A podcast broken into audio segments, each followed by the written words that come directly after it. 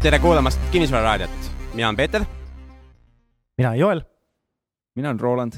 ja täna me oleme siis Radisson Blue hotelli konverentsiruumis ja meil on siin täiesti elav publik ja kohe vaatame, kui kõvasti nad elavad, nii et olge head, kõik tehke häält. okei okay,, inimesed on täiesti olemas ja ja täna me vastame siis kuulajate küsimustele, mõned on meil mailidel tulnud, aga enamus küsimusi tuleb siitsamast ruumist. ja hakkame siis kohe küsimustega pihta äkki. Ja võtame siis kohe esimese küsimuse, kes Andreanilt. jah, tere minu poolt ka ja ostjaid kindlasti huvitab selline küsimus, et kuidas siis hinda alla tingida?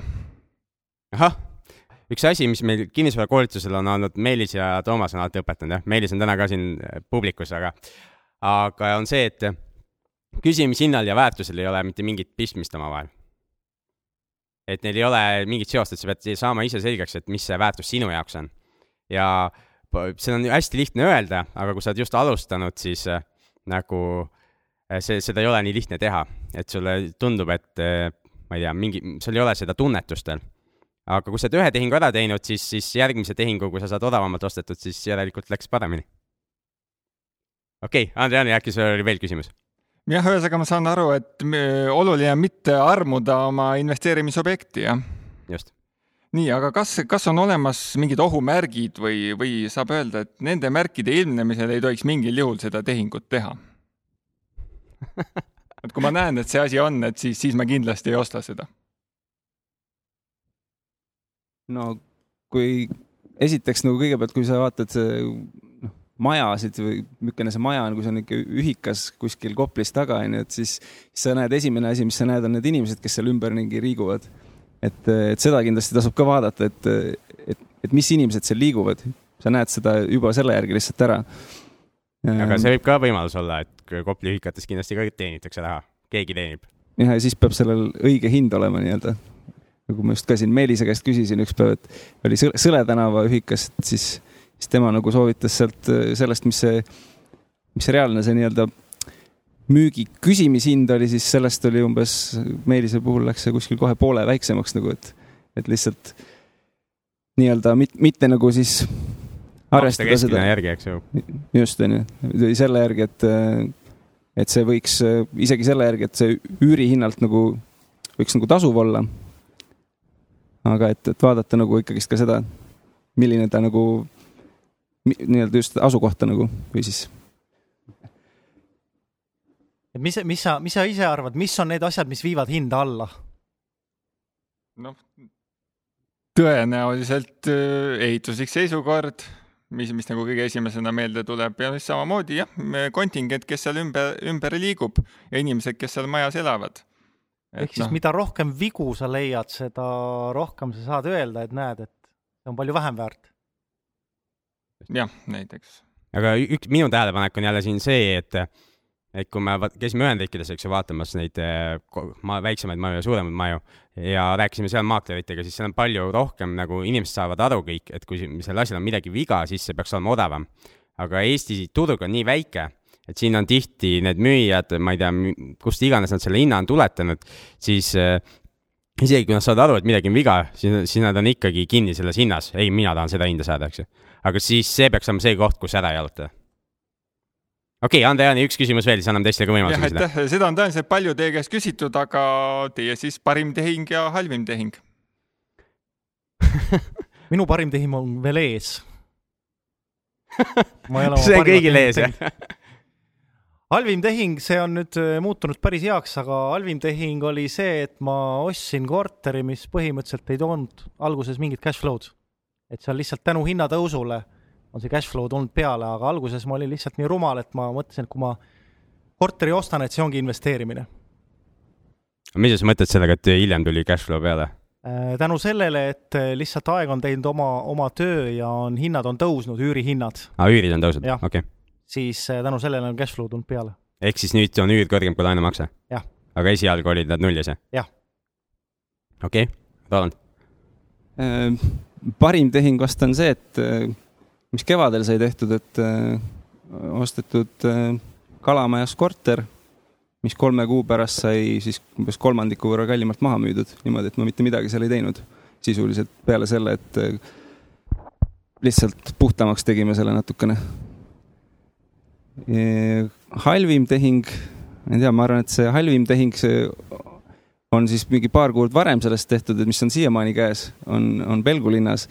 Aga, aga nüüd ütleme nii, et see, ta on nagu selles mõttes, on veel võimalus pöörata heaks nii-öelda.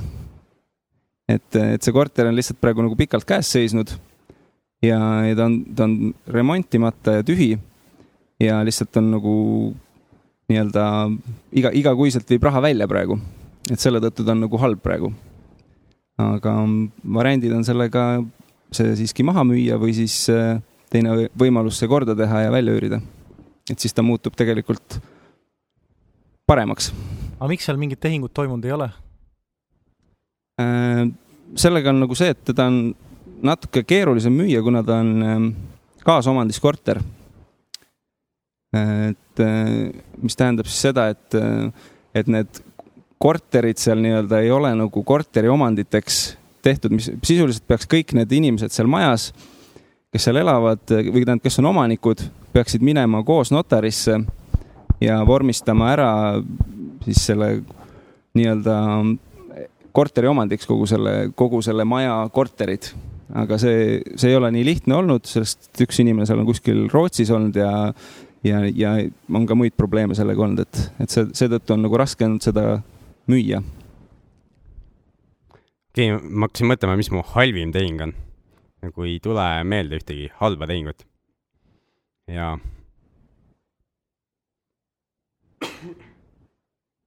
okei okay,, võib-olla halvim, mis mulle tol hetkel tundus hea, aga tagantjärgi on tundunud halb, halb on see, et kui sa, kui ma ostsin ühe korteri siin nüüd, ma ei tea, poolteist aastat, kaks aastat tagasi, siis me tegime nagu oma elukaaslasega koos ise tegime remondi ja niisuguse noh, minimalistliku, eks ju, uus tapeet ja, ja veel mingisugust ühte värvimist ja niisuguseid töid, eks ju, ise, ise tegime, eks ju.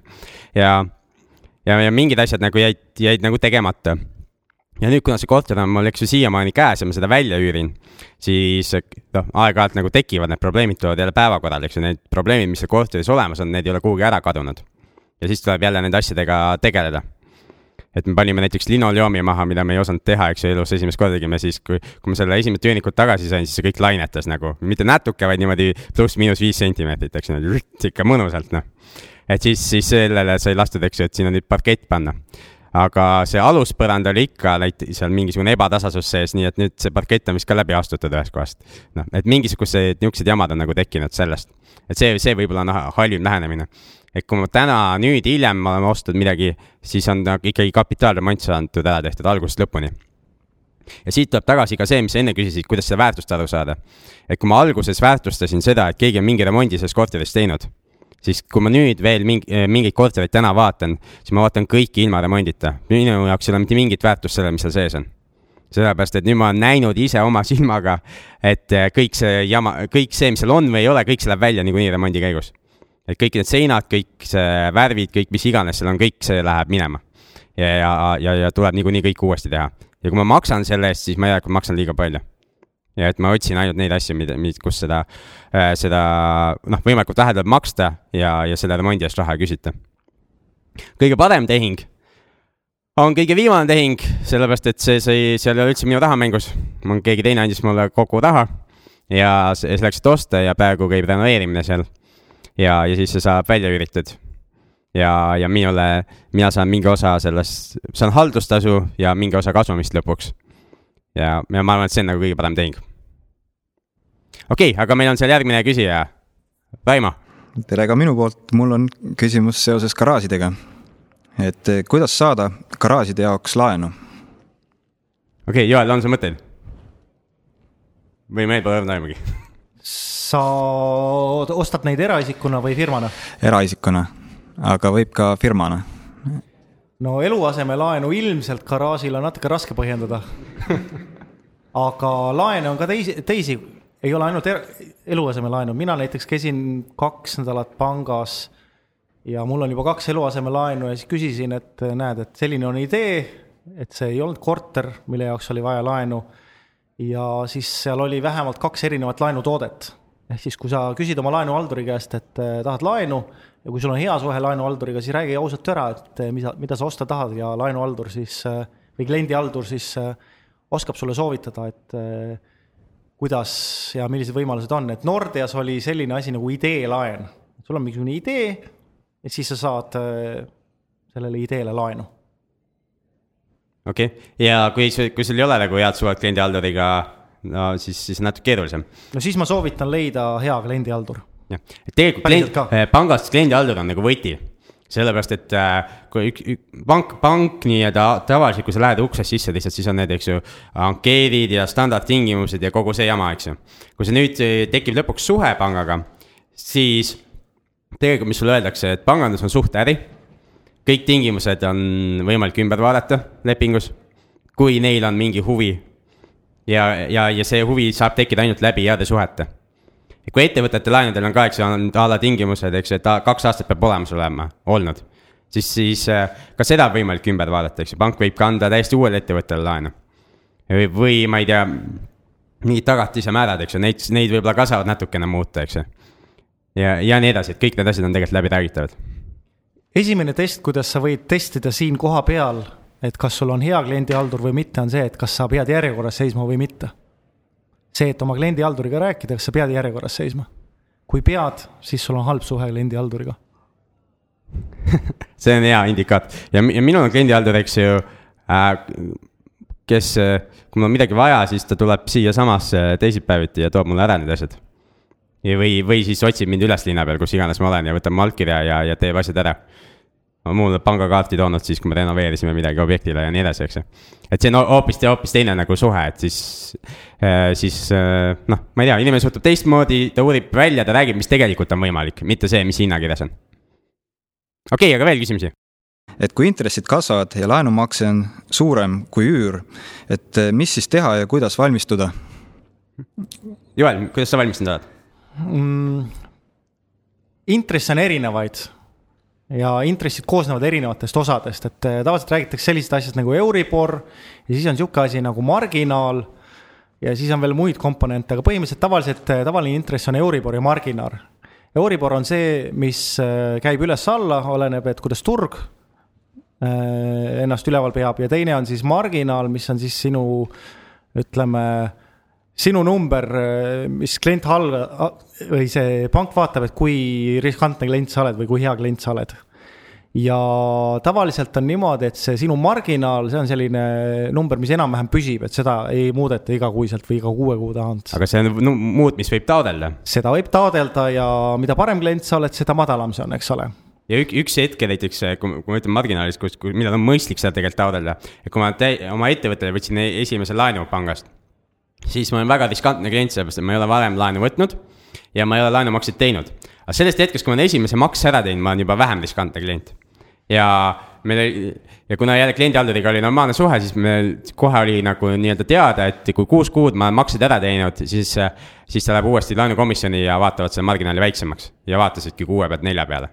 et kaks protsenti väiksemaks, kui olin kuus kuud makse ära teinud, sellepärast et nüüd ma olen palju vähem riskantne klient panga jaoks kohe risk väheneb, kui ma olen esimese makse ära teinud. teine, kolmas ja need aitavad ka, eks ju minul on ka, pank on marginaali langetanud.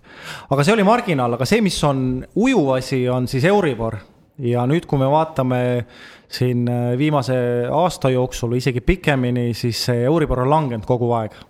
ja Euribori on erinevaid, on ühe kuu ja kolme kuu, kuue kuu, kaheteist kuu. ja mida see kuu tähendab, on eks ole see, et kui tihti seda Euribori sul üle vaadatakse ütleme, kui sul on kuue kuu Euribor, siis iga kuue kuu tagant on mingisugune päev, kus vaadatakse üle, mis see Euribor on.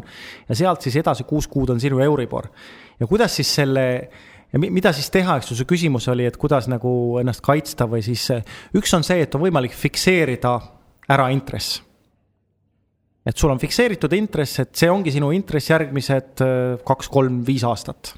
see on üks võimalus kuni kümme vist isegi saab mingitel juhtudel. olenevad pankadest, minul on kogemus Nordeaga ja Nordeas on võimalik. Eh, see on teine teema, seal on võimalik katus panna, fikseerimine minu arust eh, Swedbankis on võimalik ära fikseerida. ja fikseerimine tähendabki see, et siis järgmine viis aastat näiteks sul ongi see intress on näiteks see neli protsenti, vahet ei ole, mis eh, muude intressidega toimub aga seda katust, mis sa rääkisid, eks ju, ehkki kindlustust saab osta ka teistes pankades, üks on, eks ju, Nordea müüb, ma tean, SEB müüb ka koduklientidele tegelikult pakub ka seda, et sa maksad iga kuu mingi kindlustustasu.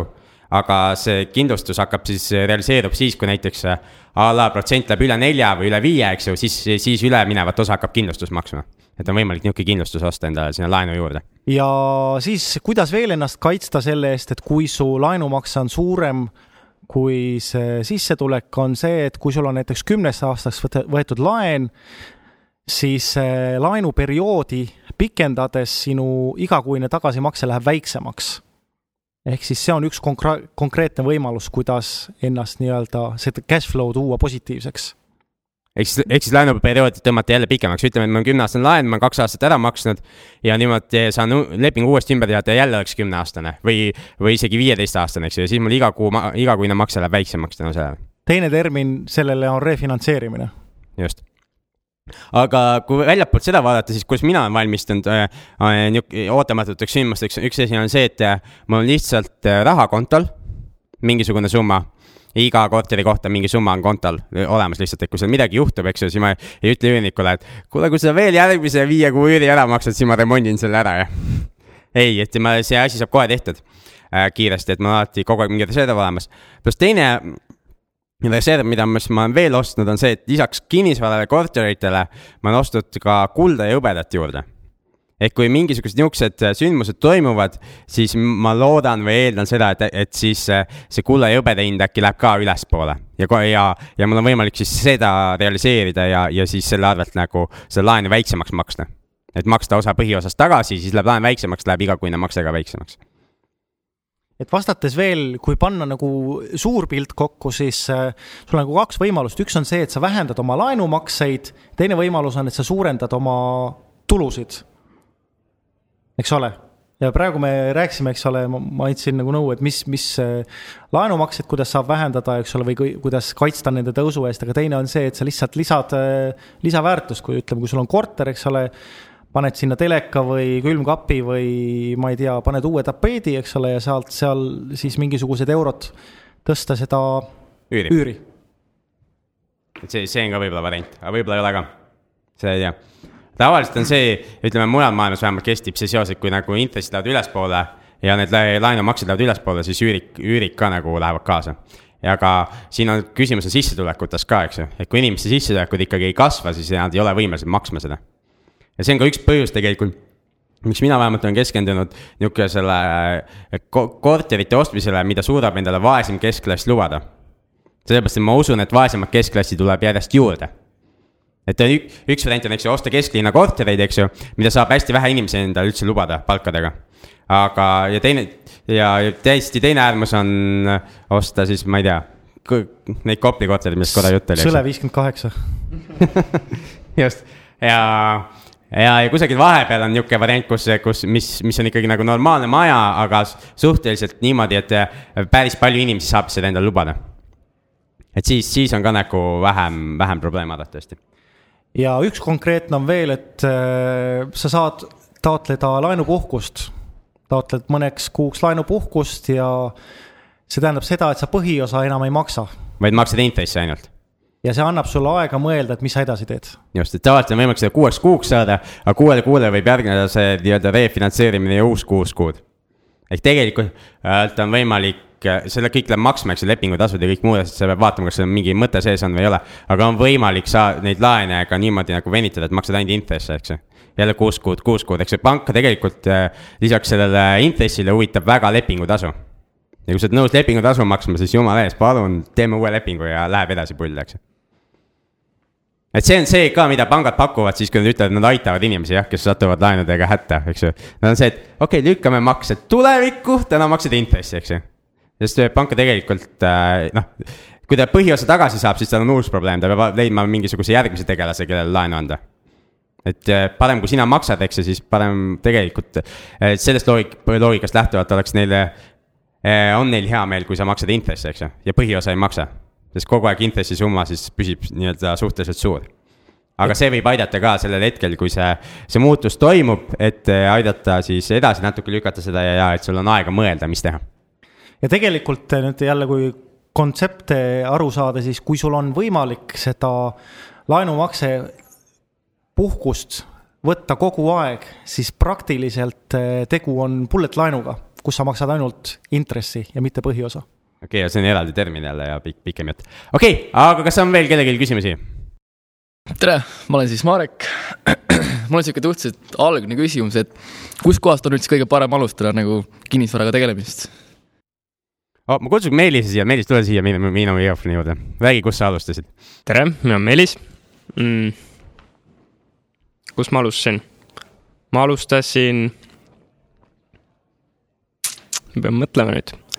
ma käisin koolis siis veel gümnaasiumis, siis ma alustasin ja see oli üheteistkümnes klass ja ma alustasin niimoodi, et ma käisin tasuta tööd tegemas ühes korteris, remonditöid, vaat. ja siis vaatasin, et päris lahe oli, see on ka sihuke korter oli, mis oli ostetud selleks, et edasi müüa kallimalt ja siis ma käisin seal tasuta, tegin remonti nagu, vaata see tundus lahe kuidagi. ja siis ma vaatasin, et oh, võiks ise ka teha. ja siis, kuna mu vend tegi seda juba, siis mul oli natuke kergem muidugi alustada ka, onju. okei okay,, aga sa alustasid sellest, et sa läksid kellegi teise jaoks, kes juba tegi neid investeerimis, kinnisvarasse investeeringuid, läksid ja töötasid tasuta tema jaoks, et. jah, ma käisin peale kooli. kuidas asjad käivad? jah, ma käisin peale kooli seal mingi paar nädalat, vot. seal midagi rasket ei olnud, see oli pigem sihuke huvitav ja uued asjad ja lahe. jah nii oli suht lihtne alustada, sest nii sa natukene said aimu, mis see nagu remondi pool on. siis teine pool on muidugi see, et kus ma leian raha ja kus ma leian selle diili, on ju. no jah, portaalist vaatad, et mis võiks olla odavam, on ju, ja siis pakud selle võib-olla välja mõnele investorile, kui ta nõus on, noh. Why not, on ju, ära teha. aga noh, see peab olema läbimõeldud ikka, et nagu mingisugune usaldus võiks jääda peale seda peale esimest tehingut võiks olla soov kellelgi veel sinuga tehingut teha. jah okei okay.. ja kust sa raha leidsid? okei okay,, küsimus oli siis äh,, ruumist tuli, et kust Meelis raha leidis oma esimeseks tehinguks? E, esimeseks tehinguks ma leidsingi nii raha, et oli hea diil. me leidsime või leidsin, ma ei mäleta, et hea diili on ju.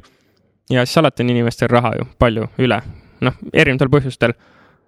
praegu ja... klassikaline on öelda, et äh, ämmalt laenasin või kapist võtsin. jah. see on poliitringkondade nali. jah, et noh, kellel on sularahas, kellel mitte, on ju, aga aga et siis enam-vähem selliselt inimeselt tuli, kellel oli lihtsalt või ta vennal oli raha konto peal olemas palju mingist vanast ajast või mingi pärandus või noh. ehk siis keegi sõber või sõbra sõber laenas raha? jah, ja siis meil olid osalused jaotatud. tegite osalustega esimesed tehingud? osalustega tegime esimesed okay. jah. ja täna võtad laenu? täna ainult laenu jah, aga alustan arvatavasti lihtsam osalustega. just, et sa lepid kellegagi kokku, et tema paneb raha, sina paned näiteks töö või, või ja, ja ka asjade korraldamise ja siis teete kasumi pooleks näiteks, midagi sellist või on võimalik kokku leppida. okei okay., on veel sul küsida? aga ütleme, kuidas näiteks maakleriks hakkamine käib ja mida selleks tegema peab? ütleme näiteks, kui näiteks huvitaks sihuke teema.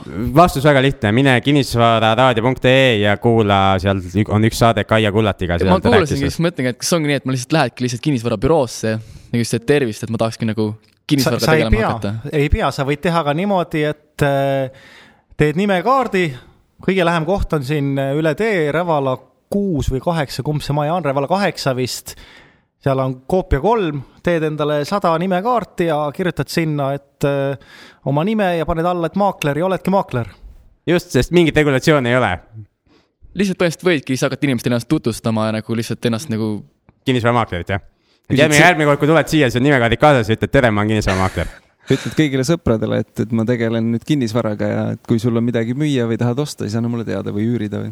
ja põhimõtteliselt nii lihtsalt nagu käibki lihtsalt, kui ma olen piisavalt nagu populaarne, siis inimesed teavad mind, ütleb, meil on midagi vaja müüa, siis nad võtavad minuga ühendust. kui sa suudad just, aga sa peaksid, ai-, sorry, ma segasin Jolli vahele, et kui sa suudad nagu aidata neil müüa ka pärast, siis nad tulevad arvatavasti tagasi, aga muidu on nagu jama.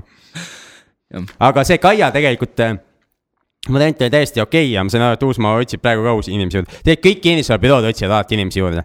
eriti neid, kes eh, on valmis, valmis nagu ennast liigutama, sellepärast et, et kinnisvaramaaklerid saavad komisjonitasu. ehk nad, kui nad ei müü midagi või ei üüri midagi välja, siis nad ei saa mitte mingit palka. ehk sellel kinnisvarabürool ei ole mingisugust erilist riski, nende risk on see, et nad kulutavad sinu peale aega ja, ja sa ei tee, ei tee mitte midagi mõistlikku, eks ju no.. aga rohkem neil ei ole mingit riski, nad ei võta sulle siin, sind tööle. nad ei garanteeri sulle mitte mingisugust sissetulekut. paremad nendest, eks ju, pakuvad sulle vähemalt mingi laua, kus taga istuda aeg-ajalt jah, ja oma pabereid kirjutada. ja, ja, ja annavad sulle koolitust ja õpetust, et selles mõttes mina vähemalt, kui ma läheks ja alustaks praegu mõne suurema büroo juures ja, ja see, kus Kaia on, eks ju, Uus-Maa ei ole üldse halb valik, on veel, mis teised suured on? CKE-s on, eks ju, meil sõber Morter, siis. part-, partner üks, Üks partner., Pindi Eh, Pindis on meil, eks ju, sõber hindaja Tartust, eks ju. ja, ja nii edasi, et neid büroosid on, neid suuri asjalikke, kes, kellel on mingi koolitus ka, on päris palju. nüüd ma just mõtlen, et ma võin ju tegelikult selle visiitkaardi teha hakata, aga tõesti nagu mul puudub kogemus, et ma peaks ikkagi õppima, keegi peaks nagu õpetama, kuskil nägema nagu. see oligi naljaga pooleks öeldud, eks ju aga kuigi, kuigi kui te lähete tegelikult kortereid vaatama päriselus, eks ju, siis te kohtute päris paljude sellistega, kes ongi arvatavasti alustanud umbes niimoodi. et äh, ja tihti neil ei ole visiitkaarti ka, nad ei raatsi kulutada seda paari senti sinna. Nad ütlevad lihtsalt, et tere, ma olen, ma ei tea, kes ja, ja mis iganes see nimi on, tihti venekeelne mingi nimi ka ja, ja mina olen kinnisvaramaakler ja davai, teeme tehinguid. tegelikult, kui võtta näiteks lahti kuldne börs, siis seal otsivad täitsa kinnisvarafirmad endale õpilasi, et mm. -hmm. on pakkumised isegi olemas seal mingite aegade jooksul jooksevad, et tulge meile proovi, proovipäevadele ja õppima. Okei okay,, see oli Ando, kes vahepeal lisas oma panuse. noh, ma sain, ma sain täna just emaili, et äh, ühe korteriga, mis ma nagu maaklerile ühel tingimustel nagu andsin, et üks teine maakler siis samast büroost äh, saatis emaili, et, et see maakler on nüüd lahkunud meie juurest, et, et mina tegelen nüüd selle asjaga edasi. et selles mõttes neid noh, lahkub ka pidevalt, kuna tegelikult see ei ole üldse nii lihtne nagu eriti, eriti nagu alustajatel nagu. Ei muidugi, see alguses alati raske, selle kõigega asjaga nii, aga mõtlengi, et oleks ikkagi jõle hea, kui nagu keegi olekski nagu see kõrgem maakler, kes teab nagu, siis sa nagu jälgid teda ja üritad võimalikult palju õppida, nii et siis vaikselt järgi tulla. see, selline tugi on olemas äh, paremates ja suuremates kinnisvarabüroodes. Uusmaas näiteks Kaia rääkiski, et ongi, et kui su tul- tuleb, eks ole, uus inimene tuleb firmasse, siis eh, talle nimetataksegi nii-öelda mentor, mentor, kes siis eh, juhendab, vaatab, vastab küsimustele, hoiab nii-öelda algusest käest kinni, et, et see uus inimene saab siis, saab siis mingisuguse kogemuse, et ei pea kõike ise leiutama. aga üks asi on, mille, mis Kaia minu meelest ka välja tõi veel. et kui keegi tahab maakleriks hakata, siis ta peaks olema kindlustatud nagu see, et tal see igapäevased elamiskulud on kuidagi muud moodi kaetud alguses. sest ei tasu loota, et sul kohe esimesel päeval tuleb äh, neid objekte, mida müüa ja, ja, ja, ja objekti, mida üürida, et sa ei pruugi nagu päris pikka aega mitte midagi teenida või see sissetulekud võivad väga kaootilised olla aga see on õppimisprotsess lihtsalt, nii nagu inimesed on millegipärast valmis, eks ju, kaksteist aastat koolis käima, ilma et neile maksaks keegi selle eest, jah. või, või siis mõned käivad kümme aastat ülikoolis, ka keegi ei maksa mitte midagi, ise maksavad hoopis, eks ju. siis, siis tegelikult kinnisvaramaakleriks hakkamine on samasugune protsess, see arvatavasti ei võta kümme aastat aega. aga ma ei tea, kuus kuud, kaksteist kuud ma ikka arvestaks kindlasti, et, et sellest hakkaks tulema mingisugune äh, selline sissetulek, millest on võimalik ära elada. okei okay,, Kristiine on järgmine, kes hakkab küsima ja Kristiine küsimus on et kuidas leida nagu finantsi kodu, kui on üks kodulaen olemas, et kas nagu pank annab sulle rohkem ja mis siis tagatiseks peavad olema? mitu kodulaenu saab? minu kogemus ütleb, et vähemalt kaks.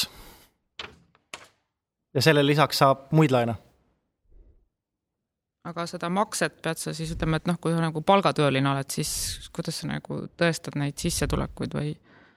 kuidas sa tõestad sissetulekuid, kui sa oled selle panga äh, klient, siis nad vaatavad ise su konto väljavõttest, kui sa lähed uute panka, siis sa võtad internetist välja näiteks kuue kuu väljavõtte, saadad või viid paberiga ja sealt nad näevadki tegelikult, mis su finantsseis on ehk siis tegelikult see eeldab ikkagi seda, et see palk on piisavalt kõrge, et, et sul on võimalik palgast maksta mitut seda kodulaenu mm. -hmm. ja pank eriti, vähemalt niisugust, kui sa lähed tavalise kliendi halduri juurde, siis, siis talle on nagu ei ole isegi väga mõtet rääkida seda mõtet, et ma ostan selleks, et välja üürida.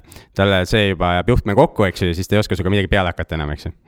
on sa... võimalik, aga see tähendab seda, et su marginaal tuleb olema palju-palju kõrgem, kuna sa teed äri just, et palju kõrgema intressi annavad sulle. et eh, kui sa tõesti tahad nagu osta mitut või ütleme, esimest, teist asja, siis võib-olla ongi mõtet minna sellesama kodu ostujutuga, eks ju, et mul on see üks kodu ja ma ei tea, mis iganes põhjusel mul on seda teist kodu nüüd ka vaja.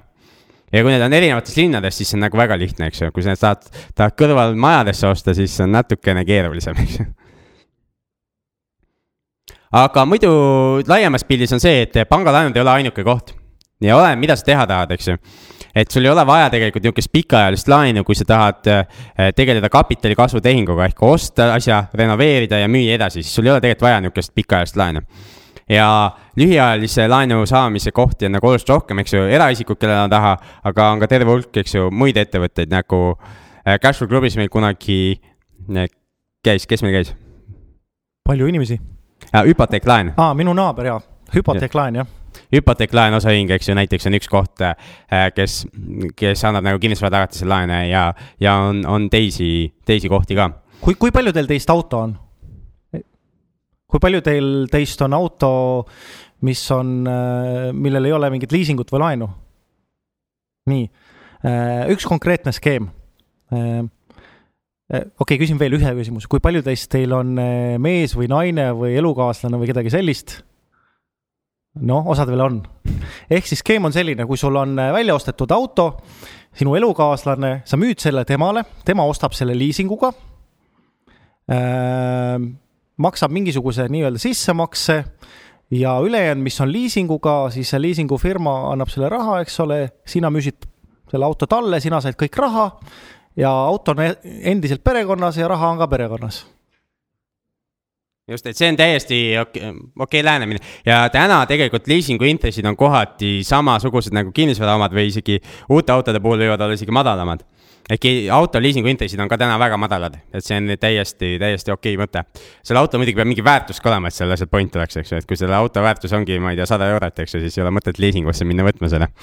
et äh, liisingutel on see ting-, on tingimus, et auto peab olema äh, vähem kui kaksteist aastat vana. see on üks tingimus, eks ju selle laenude ja selle osas nagu, mis ma ise nagu, mis siin enne tegelikult ka kui võtta kasvõi need, garaažide jaoks või siis ükskõik mille jaoks, et siis tegelikult see kõik hakkab ikkagi sellest pihta, et, et milline on see tehing. nagu ka Meelis välja tõi, et esimene tehing oli hea tehing, leidis, onju, ta sai selle raha. et, et põhimõtteliselt nagu, kui on, kui on hea tehing, siis, siis on suhteliselt lihtne nagu saada see raha sinna, kas nagu nii-öelda investoritena kaasa või siis, või siis laenates mingi protsent kokku leppides. siis need inimesed nagu ikkagist nad tahavad ju näha, et kuhu see nagu raha, mis nad sulle annavad, et kuhu see läheb nagu, mille jaoks nagu, veel olulisem on see, kuidas tagasi tuleb. see ka muidugi. aga, aga jah, et mis, mis, mis ise, ise olen ka nagu korterid, mis ma praegu ostnud olen, et on, noh, kõik on sisuliselt äh, ilma oma raha nagu sisse panemata.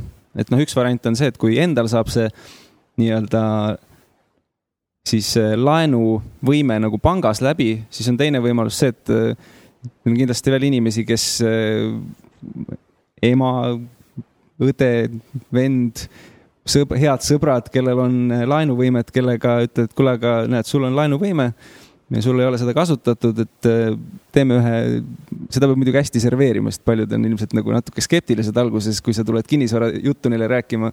aga kõik on, kõik on, kõik sõltub nagu serveerimisest. aga kui sa leiad, saad selle nagu hea tehingu ja ütled, et näed, et teeme näiteks koos nagu, sa, sa saad selle tehingu, selle, selle korteri ja iga kuu sul hakkab nii palju raha tulema, et kas sul noh, sisuliselt, et, et sina võtad laenu ja igakuiselt sa hakkad pärast seda hakkad äh, selle asemel, et see, laen nagu, laenu maksab ära ja üürnik maksab sulle veel nii palju tagasi, et sul, sul hakkab rohkem kätte jääma, näiteks sa võid teha nagu koos on ju kellegiga, üks Okei. variant. aga mi, mina isegi seda pikaajalist tehingut, kunagi ma võib-olla isegi ütlesin inimestele, et jah, tehke ära, vaadake, mis juhtub, eks ju, aga ma tegelikult üt- ütleks, et kui te olete esimest tehingut, siis mina ei teeks seda, seda pikaajalisena. ja, ja miks ma ei teeks, on see, et kui sa esimest korterit renoveerid, sa teed nii palju vigu seal, vähemalt mis ma nende kogemust näinud, et, et neid vigu on ikka nii palju nendes korterites ja, ja, ja nagu ma ütlesin, et mul siia üks korter käes, eks ju, mida me ise renoveerisime. et, et, et muidu ma ei saakski aru, et me oleks vigu teinud, aga selle aja jooksul nad tulevad välja, eks ju et äh, esimesed tehingud ma teeks ikkagi seda, et ostaks, renoveeriks ja müüks. et see, ma saan nendest vigadest lahti, las keegi teine tegeleb nendega edasi, eks ju. ja, ja kui see kogemus nagu tekib, et asjad tulevad juba hästi välja, et siis on mõtet neid- seda asja pikemaajaliselt hoida ka. Ja vead tulevad üürikorteritest tihti eh, tugevamalt välja kui, kui, kui sellest, kui keegi ise elab seal. sellepärast, et äh, inimesed nagu millegipärast ikkagi intensiivsemalt enamasti kasutavad neid kortereid. ja, ja teine asi on see, et üürnik tahab, et need asjad saaksid korda, eks ju. kui sul on enda korter, siis noh, ma ei tea, mingi lamp ei tööta, no poogen, eks ju, las ta olla seal laes, eks ju, ükskõik. aga kui, kui see on üürikorter, siis üürnik helistab sulle kohe, et kuule, lamp ei tööta enam. noh, ja on vaja see asi ära lahendada ja ära parandada. ja, ja üks asi, mida ma alati tahaks meelde tuletada, see sellisel see, mis, mida Ronald rääkis, on see, et sul on hästi suur vastutus. et kui sa teise inimese raha kasutad, siis see raha alati tähendab midagi selle teise inimese jaoks, see ei ole niisama tulnud et alati on ta, kas ta mingi aeg näinud vaeva ja, ja, ja tööd teinud, et seda raha teenida või ta siis selle asja, raha tõesti laenab, aga tema peab selle tagasi maksma igal juhul, eks ju. ja kui sina teed mingi sigaduse kokku, eks ju, siis sa tegelikult äh, sellega varastad mingisuguse osa selle inimese elust, tema ajast, eks ju. selle aja, mis, millega, mis tal pärast kulub selle, selle jama, jama kinnimaksmiseks. ehk et kui sa oled nagu amatöör ja ei tea, mida sa teed äh,, siis ma ei tea, siis otsi partneriks kedagi, kes on teinud neid asju, eks ju, tema vähemalt saab aru, millega ta riskib. aga ära otsi partneriks teist naiivset inimest, eks ju, kes ka ei saa aru mitte millestki. et kui sa ei ole ise teinud, siis otsi pigem partneriks seda, kes on teinud juba, sest tema saab aru, milles risk on ja kui ta raha kaotab, siis ta, ta elab selle üle, eks ju, ja, ja, ja teeb järgmise tehingu. aga kui see on teine naiivne inimene, siis, siis, siis on nagu halvasti. jah, ja siia juurde siis lisaks ongi see veel, et võib-olla, et, et millest alustada veel nii-öelda selle, selle pointi juurde korra tulla, et siis kõigepealt ongi enda harimisest onju. et see, et üldse nagu aru saada, et mis nagu toimub. nii nii-öelda nii kinnisvaraturul, kui tahad kinnisvaraga tegeleda ja üleüldse, et kuidas nagu noh, mida, mida tähele, mida, mida nagu silmas pidada, kuidas nagu kasvõi teha mingeid lihtsaid arvutusi. et, et vaadata, kas see tehing nagu oleks sinu jaoks mõistlik et, et kindlasti, kindlasti see ei tohiks olla esimene koht, et sa lähed kohe, oh, ma nüüd võtan ühe korteri, võtan oma sõbralt äh, laenu ja siis äh, vaatab edasi. et see ei ole nagu kõige, kõige parem viis kindlasti. et enne tuleks ennast harida. Okei okay,, aga võtaks selle saate kokku tänase. kas äh, ruumis on veel äkki üks küsimus, keegi tahab midagi küsida veel? okei okay., aga sellisel juhul me liigume siin ruumis edasi Cashflow'd mängima, need, kes kuulavad äh,, olete ka teretulnud Cashflow'd mängima meiega igal, igal teisipäeval, aga aitäh küsimuste eest. kas meil, Emalil oli ka küsimus või ei olnud? oli küll. Okei okay,, vastame sellele ka äkki. võtame ühe maksuküsimuse ka, sest maksud on siuksed populaarsed, et kõikidel meil on kogemust maksude maksmisega.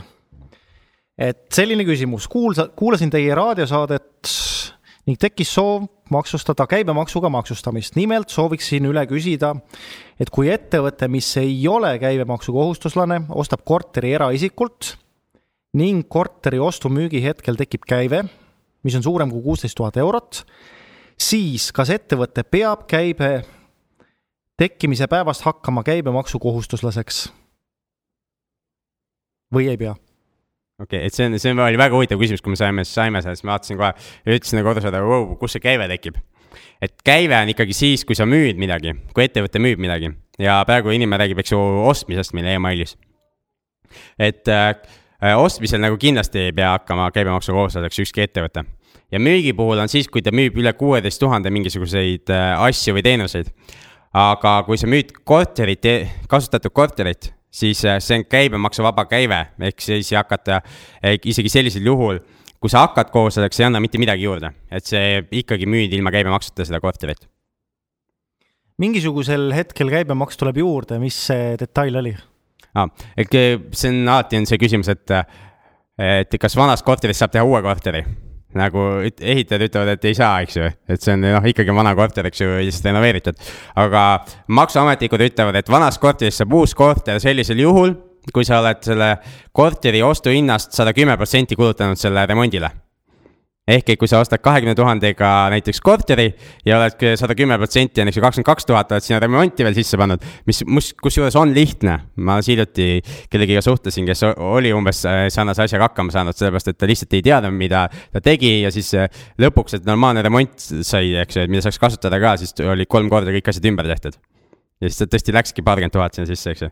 siis äh, see asi ei ole elu sees nii palju väärt, eks ju, aga vähemalt maksuseaduste mõttes on siis sellest korterist saanud uus korter.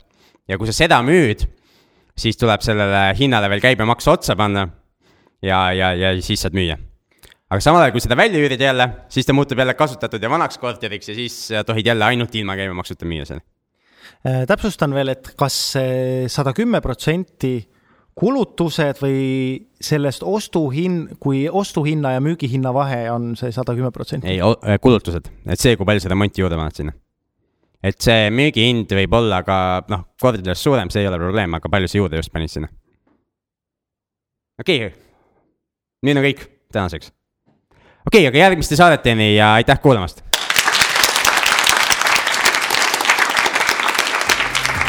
okei okay,, kaks minutit.